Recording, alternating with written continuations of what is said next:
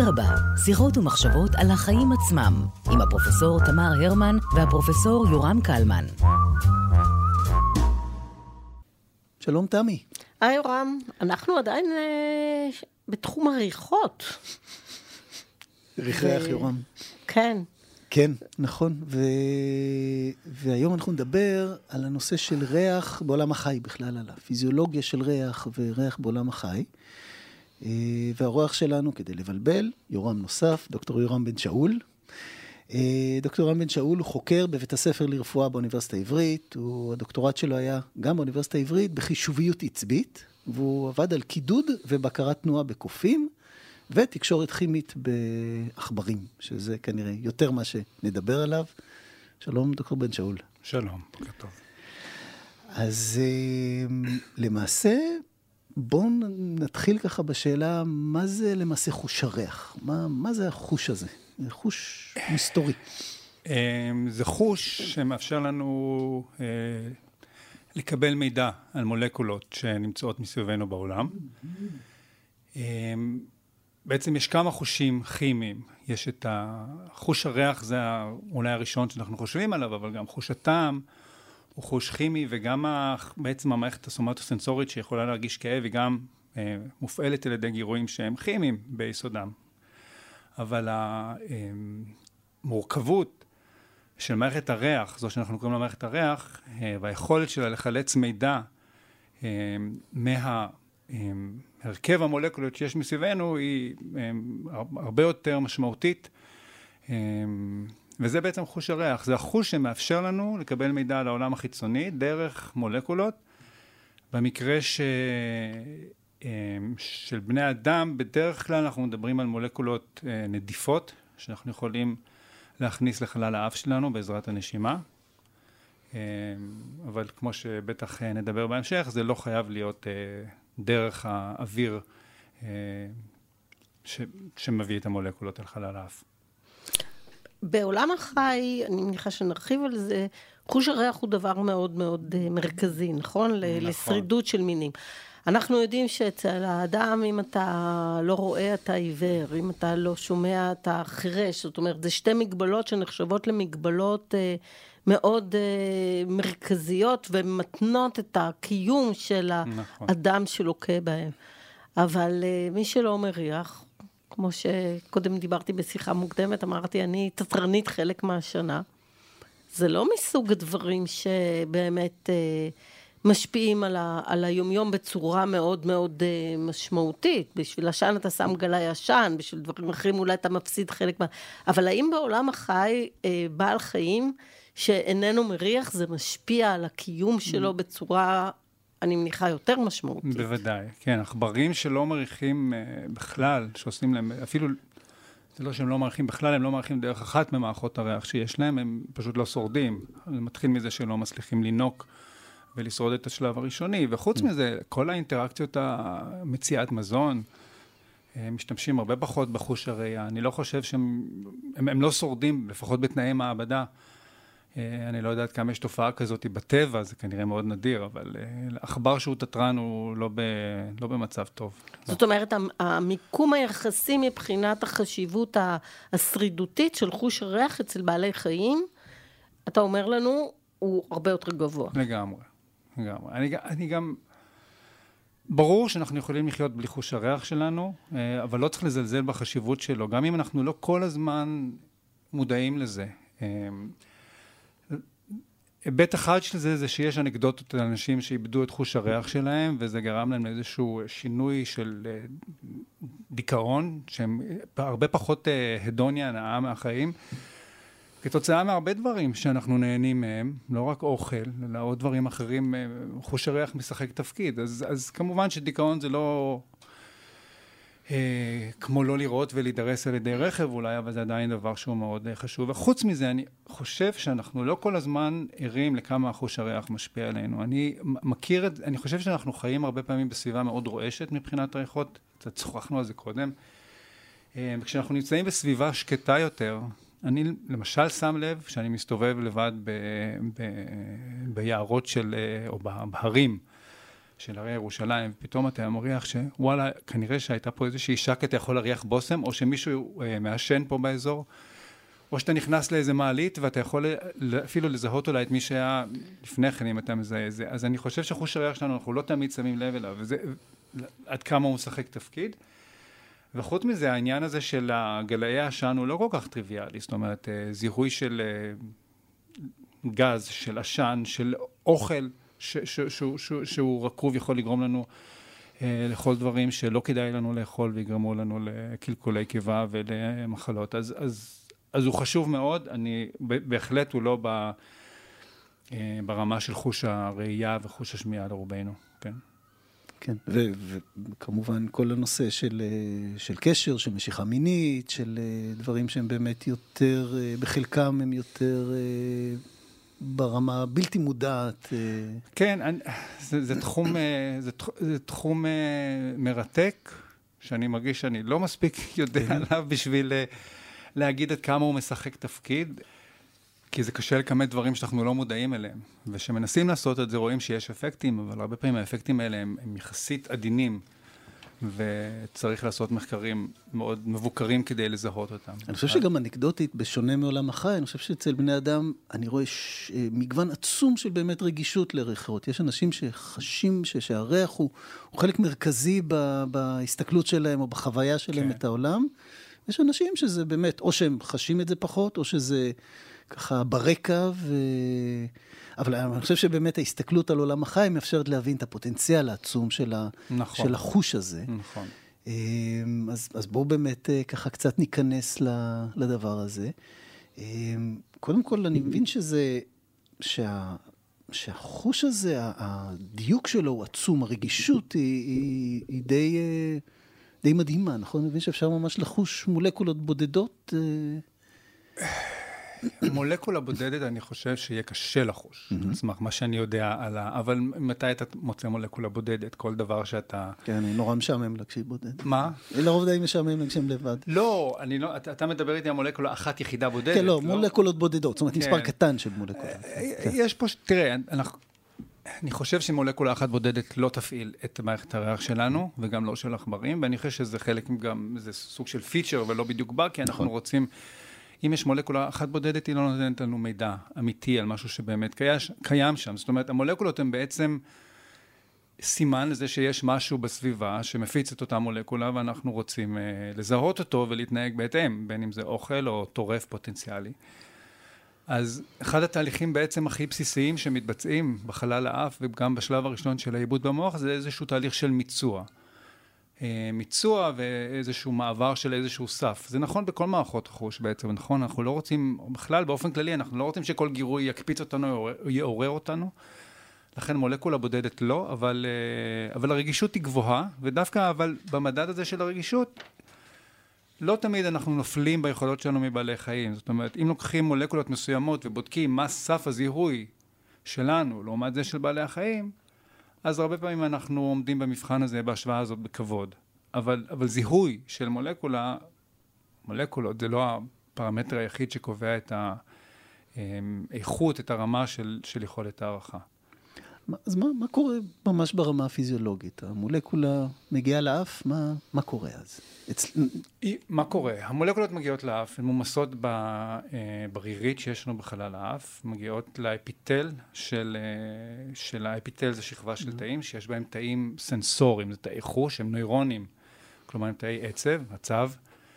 במקרה הזה של התאים של מערכת הריח, ויש להם אה, שערות כאלה שנמצאות ברירית של חלל האף, שאצלנו נמצאות בחלק העליון פה של חלל האף. אי אפשר לראות את זה בפודקאסט. מצביע אבל... לאזור שככה... מצביע ככה לנחיר למעלה. איפה שהמשקפיים... זה המקום שדחפו לנו את המטושים. נכון, המטושים, נכון, אבל צריך לדחוף אותם עמוק בשביל, אה, כן, להגיע. ושם הן נקלטות, נקשרות, אם יש התאמה, לחיישנים, לקולטנים, שהם אה, חלבונים. החלבונים האלה הם חלבונים שיושבים על הממברנות של התאים, של השערות האלה בעצם, והקישור של המולקולה לאותו חלבון גורם לאיזשהו שינוי בתצורה. של החלבון, וזה מפעיל סדרה של תהליכים בתוך התא, שבסופו של דבר משנים את הפוטנציאל, את הפעילות החשמלית של אותם תאים. והתאים האלה מעבירים את המידע הלאה. התאים, תאי הצו שלנו, יש להם שלוחות שנקראות אקסונים, והשלוחות האלו הן אה, מעבירות את האותות החשמליים, וכך הם יכולים להגיע אל המוח שלנו. האפיטל הוא לא חלק מהמוח, אבל האזור הראשון שמאבד את המידע נמצא במוח, ואז אם יש התכנסות מתאימה של מידע מחיישנים שונים, מתאים שונים שמבטאים את החיישנים השונים, אז אה, אנחנו נוכל להרגיש את זה שהיה אה, איזשהו ריחן בסביבה שלנו. זה התיאור המאוד בסיסי של מה שקורה, בלי להיכנס כמובן לפרטים הפיזיולוגיים בתוך התא. אנחנו מכירים מהעין שיש אזורים שרגישים לצבע מסוים. האם גם באף יש חיישנים לכל ריח, לכל יש עשרה ריחות בסיסיים? איך, איך זה עובד הדבר אה, הזה? אוקיי. אנחנו לא לגמרי יודעים איך זה עובד, אנחנו יודעים שזה עובד אחרת. אז בעין זה לא שיש אמ, אזורים ל, ל, לצבעים שונים. יש ב, ב, בקליפת המוח כבר, בשלבי עיבוד מאוחרים יותר, יש באמת אזורים שמתמחים בעיבוד של צבע. ברמה של, ה, של הרשתית שלנו יש, לא אדבר הרבה על הרשתית, לא, לא כי לא, זה בדיוק, לא הנושא, זה... אבל, אבל יש, יש חיישנים לכל, ל, ל, שרגישים לאורכי גל שונים, וזה מאפשר לקבל מידע על צבע. אמ, דווקא חוש הראייה, שהוא חוש כל כך מורכב, העולם הפיזיקלי שלו יחסית פשוט, כי מדובר על פוטונים, ופוטונים יש להם אורך גל ומיקום שממנו הם אה, מגיעים. וזה כל הסיפור מבחינה הפיזיקלית, ואז יש למערכת הראייה את האתגר של אה, לחלץ את המידע. במערכת הריח, אין דרך קלה לעשות מה שנקרא פרמטריזציה, אנחנו לא יכולים, נגיד, אה, ל, כמו, בצלילים זה דוגמה טובה, יש לנו גובה של צליל, ויש, כלומר תדירות של צליל, ויש לנו את העוצמה שלו.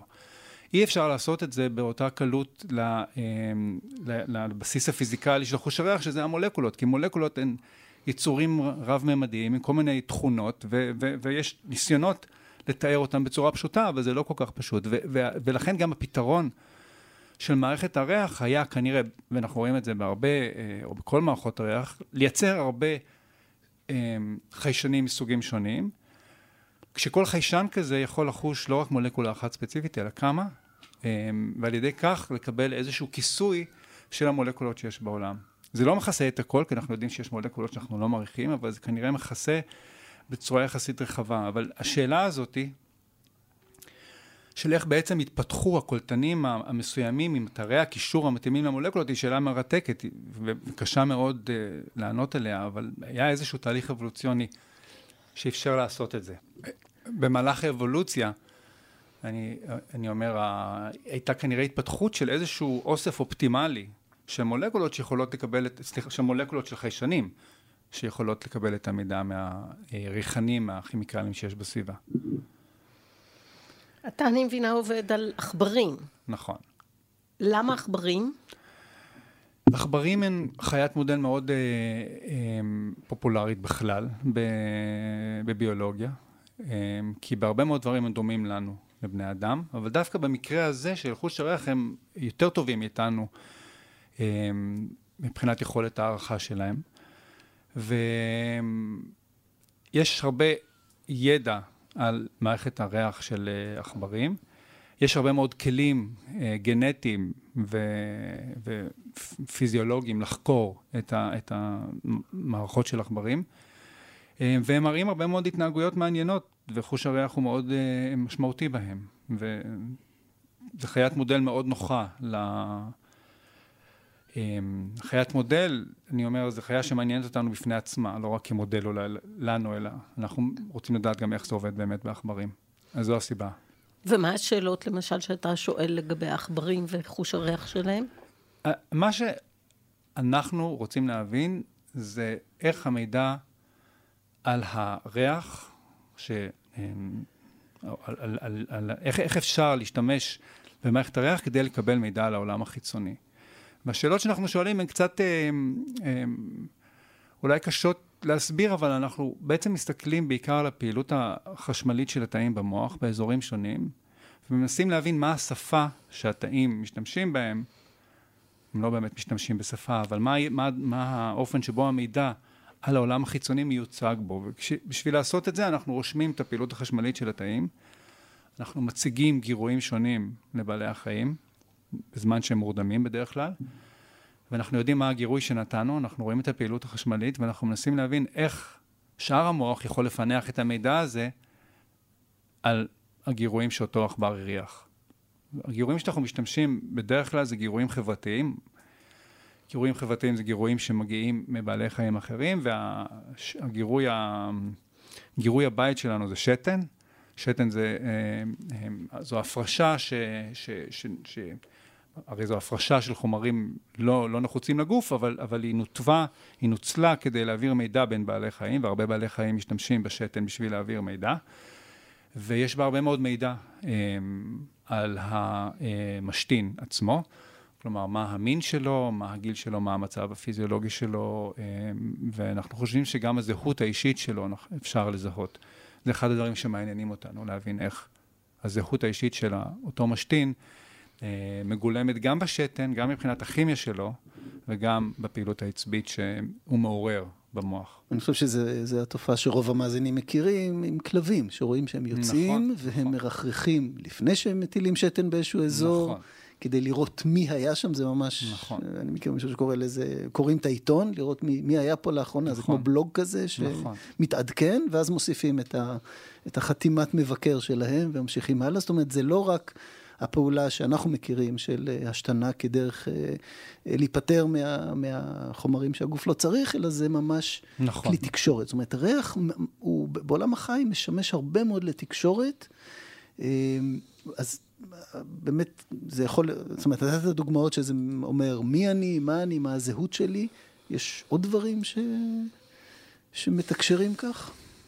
המצב הפיזיולוגי שלי, זאת אומרת, מה עוד יש? יש מי אני, מה אני, המצב הפיזיולוגי שלי.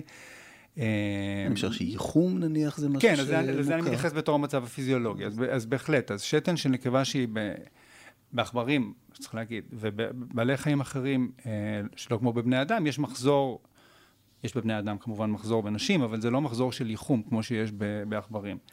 וההורמונים שמשתנים בגוף הם גם אה, משפיעים על, ה, על ה, הם מתבט... באים לידי ביטוי בשתן, וזה מידע שיש בשתן ומאפשר לבעל חיים אה, אחר לדעת על המצב הפיזיולוגי, גם על האיחום, גם, גם, גם מצב של דומיננטיות בזכרים אה, יכול להשתקף בשתן.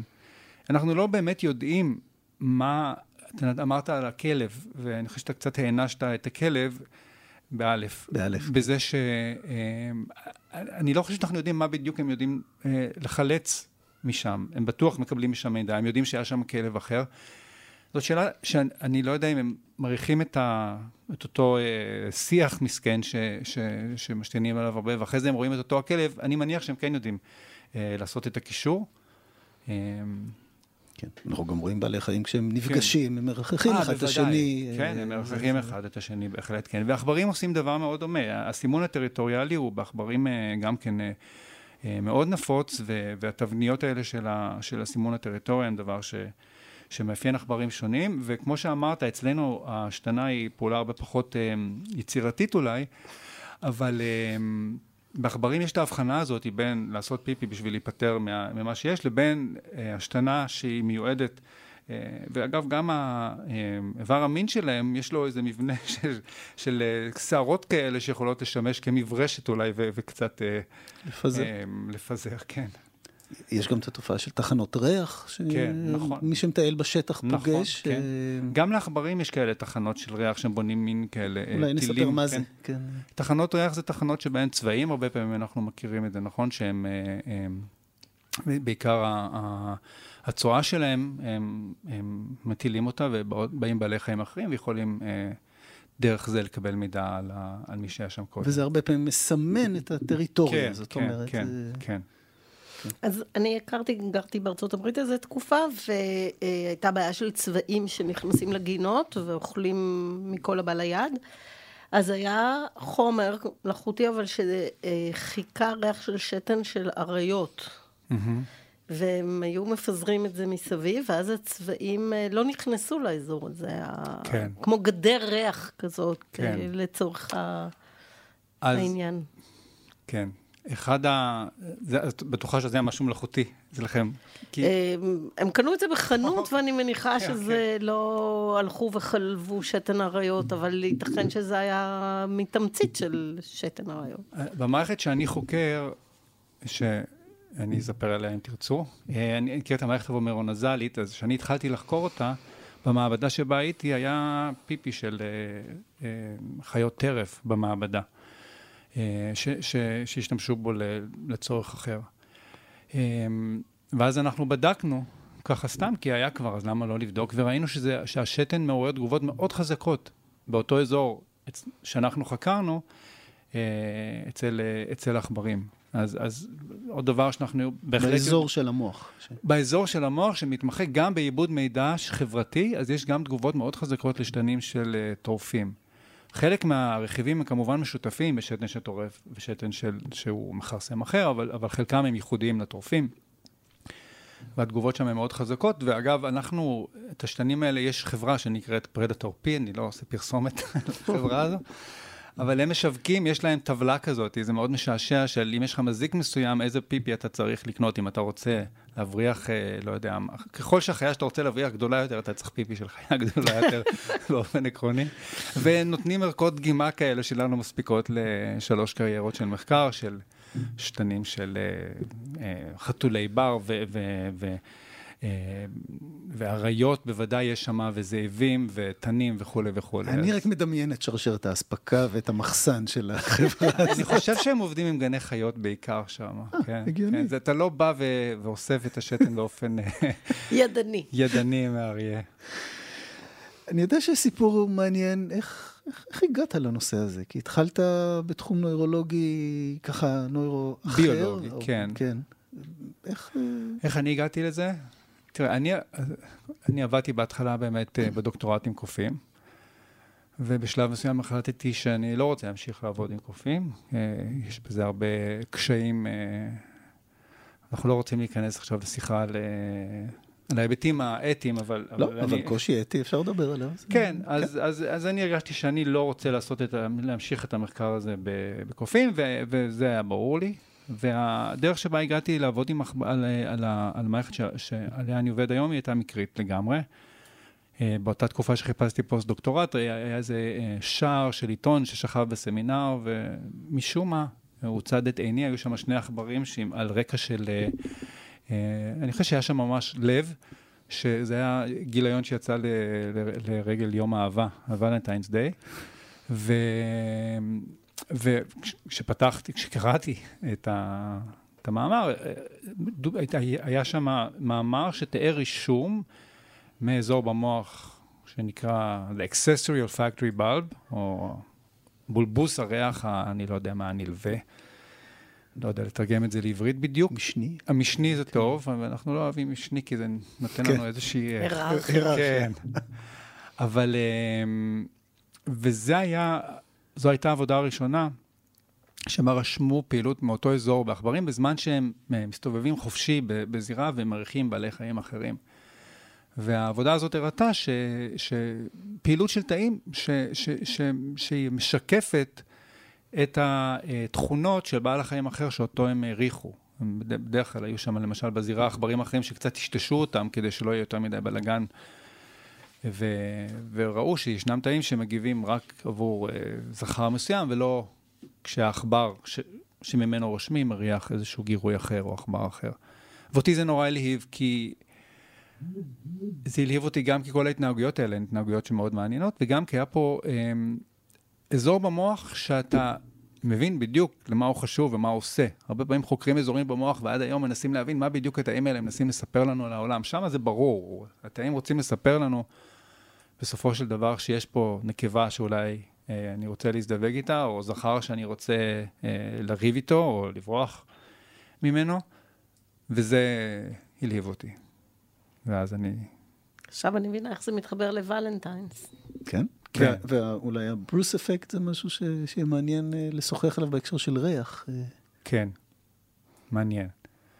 אמ, הברוס אפקט זה בעצם התופעה שאני רציתי לחקור כשהגעתי למעבדה של לארי כץ, שהוא היה זה שהיה המחבר הבכיר באותה עבודה. והברוס אפקט היא תופעה שמרבים, אני חושב, לדבר עליה, אבל מה שקורה בברוס אפקט בעכברים, זה שנקבה שהיא בהיריון, כשהיא נכנס, נחשפת לזכר זר, אז בהסתברות גבוהה תהיה הפלה של השגר שלה.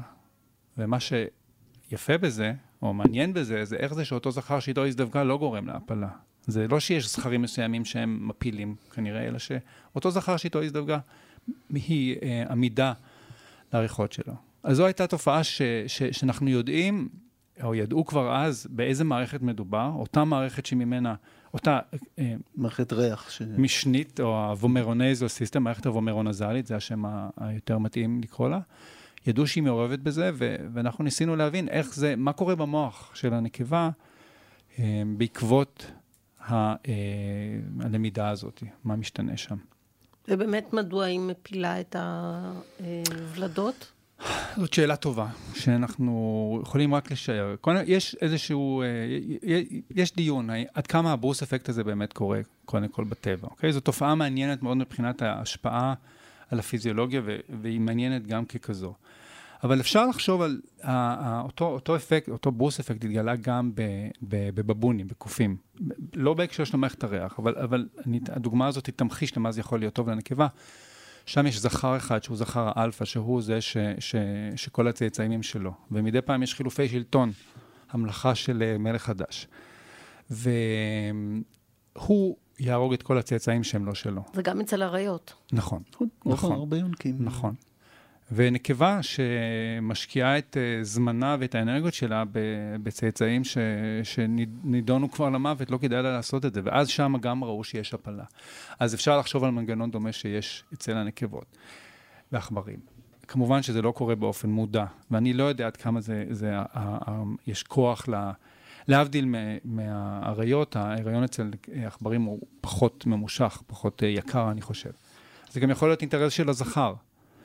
ויש גם תיאוריות שאומרות שבסופו של דבר מדובר על איזושהי הפלה שהיא תוצאה של uh, uh, סטרס, של איזושהי יכה, כי אנחנו יודעים שמערכת היכולת, פוריות היא, היא, היא פונקציה גם של, uh, של, של מצב, uh, מצב נפשי. יכול להיות שגם חשיפה לזכר, לזכר זר כזה יכולה לגרום ליותר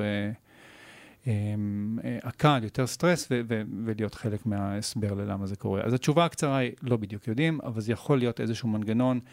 להשקיע אנרגיות בזכרים שהם כביכול יותר טובים, כי אותו זכר שעכשיו הבריח את הזכר שאיתו הזדווגתי קודם, הוא כנראה אה, יעמיד צאצאים אה, כשירים יותר מהבחינה הזו.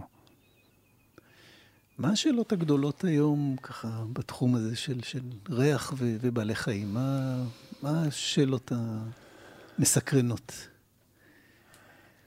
אני יכול להגיד מה השאלות שמסקרנות אותי. בדיוק. אה, השאלות שמסקרנות אותי כרגע זה, זה... אני אגיד עוד משהו כללי יותר. אנחנו יודעים מעט מאוד, אני חושב שיש לנו פחות אינטואיציות על, איך, על איזה חישובים המוח צריך לעשות בשביל לחלץ מידע על מערכת הריח.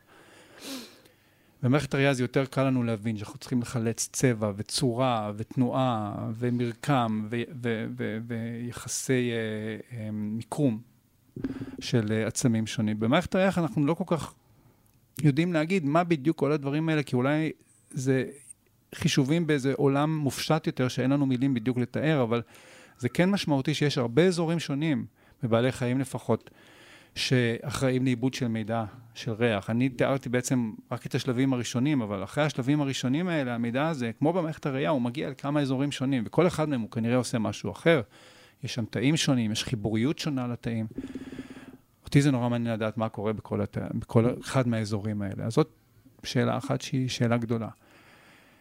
אותנו באופן ספציפי, אותי מעניין לדעת, קודם כל מה, וזה בהקשרים החברתיים, מה בעלי החיים באמת יודעים לחלץ מהריחות. כמו שאמרת על הכלב, אז הייתי רוצה לשאול את הכלב, מה אתה, מה אתה מריח, מה אתה יודע אה, להגיד.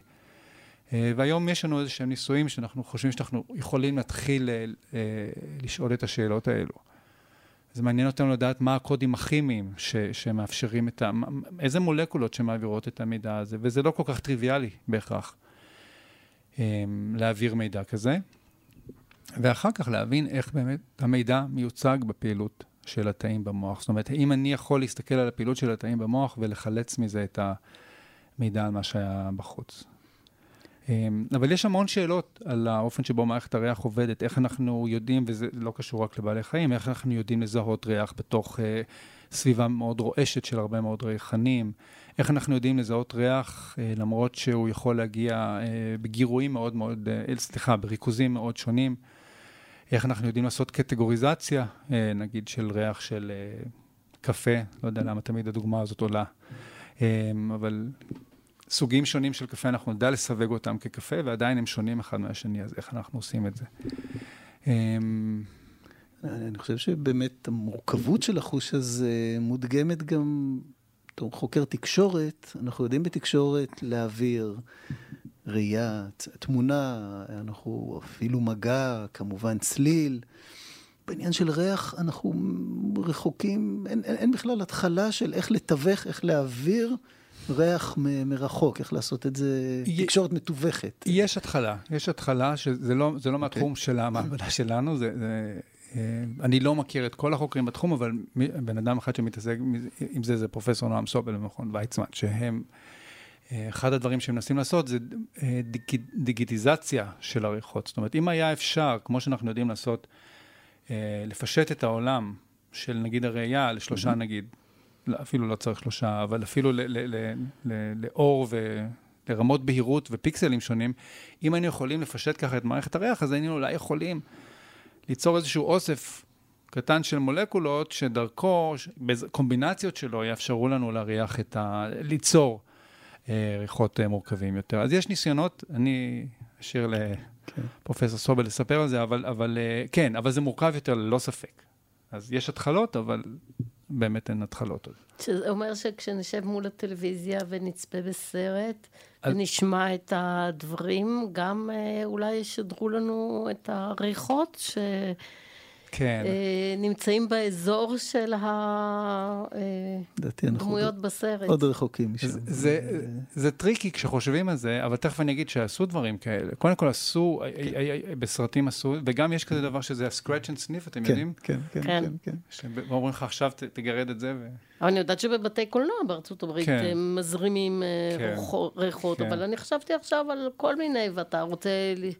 למשל, אם אתה תרצה לקנות אה, בושם לרעייתך, אז אתה תוכל לשגר לה את הריח של הבושם שבחרת, והיא נכון. תאמר לך אם כן או לא, ולא תיכשל שוב. לא, ב... אבל אמרנו שאנחנו צריכים את, ה...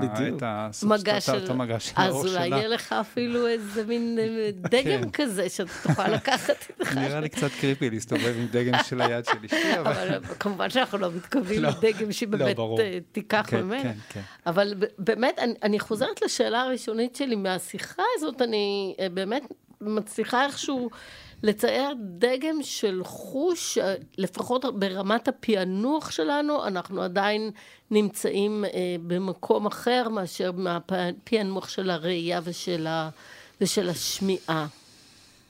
אפילו של המגע. של המגע. אני לא יודע, אנחנו יודעים להגיד הרבה דרך... גם המערכות הראייה וגם המערכות, ה... בכל המערכות האלה יש לנו רב הנסתר על הגלוי, הייתי אומר. אז uh, בכל המערכות האלה יש לנו עוד הרבה מה ללמוד. Um, כן. וטוב שכך, אחרת מה יעשו מה... כל אנשי האקדמיה שיבואו אחרינו? בדיוק, בדיוק. טוב, אז דוקטור בן שאול, באמת תודה. אני חושב ש... שהשיחה על, הריח בבעלי החיים, אותי קצת, ליבי מכניסה איזושהי צניעות, איזושהי הבנה ש... שעולם החושים שלנו, תפארת היצירה והבריאה, האדם, אה, היא עדיין מאוד מסוימת, מאוד מוגבלת, מאוד מותאמת לא... לאבולוציה שלנו, ואנחנו מוקפים ביצורים שחשים את העולם באופן שונה לחלוטין מאיך שאנחנו mm-hmm. חשים אותו. ו... ולמעשה קיימים גם חושים כמו הריח, ש... שהם, שהם רבים ושונים, וממש לא רק חמשת החושים שלנו, וזה גם מעורר השתאות וגם מזכיר לנו להיות uh, צנועים. תודה רבה. תודה לכם.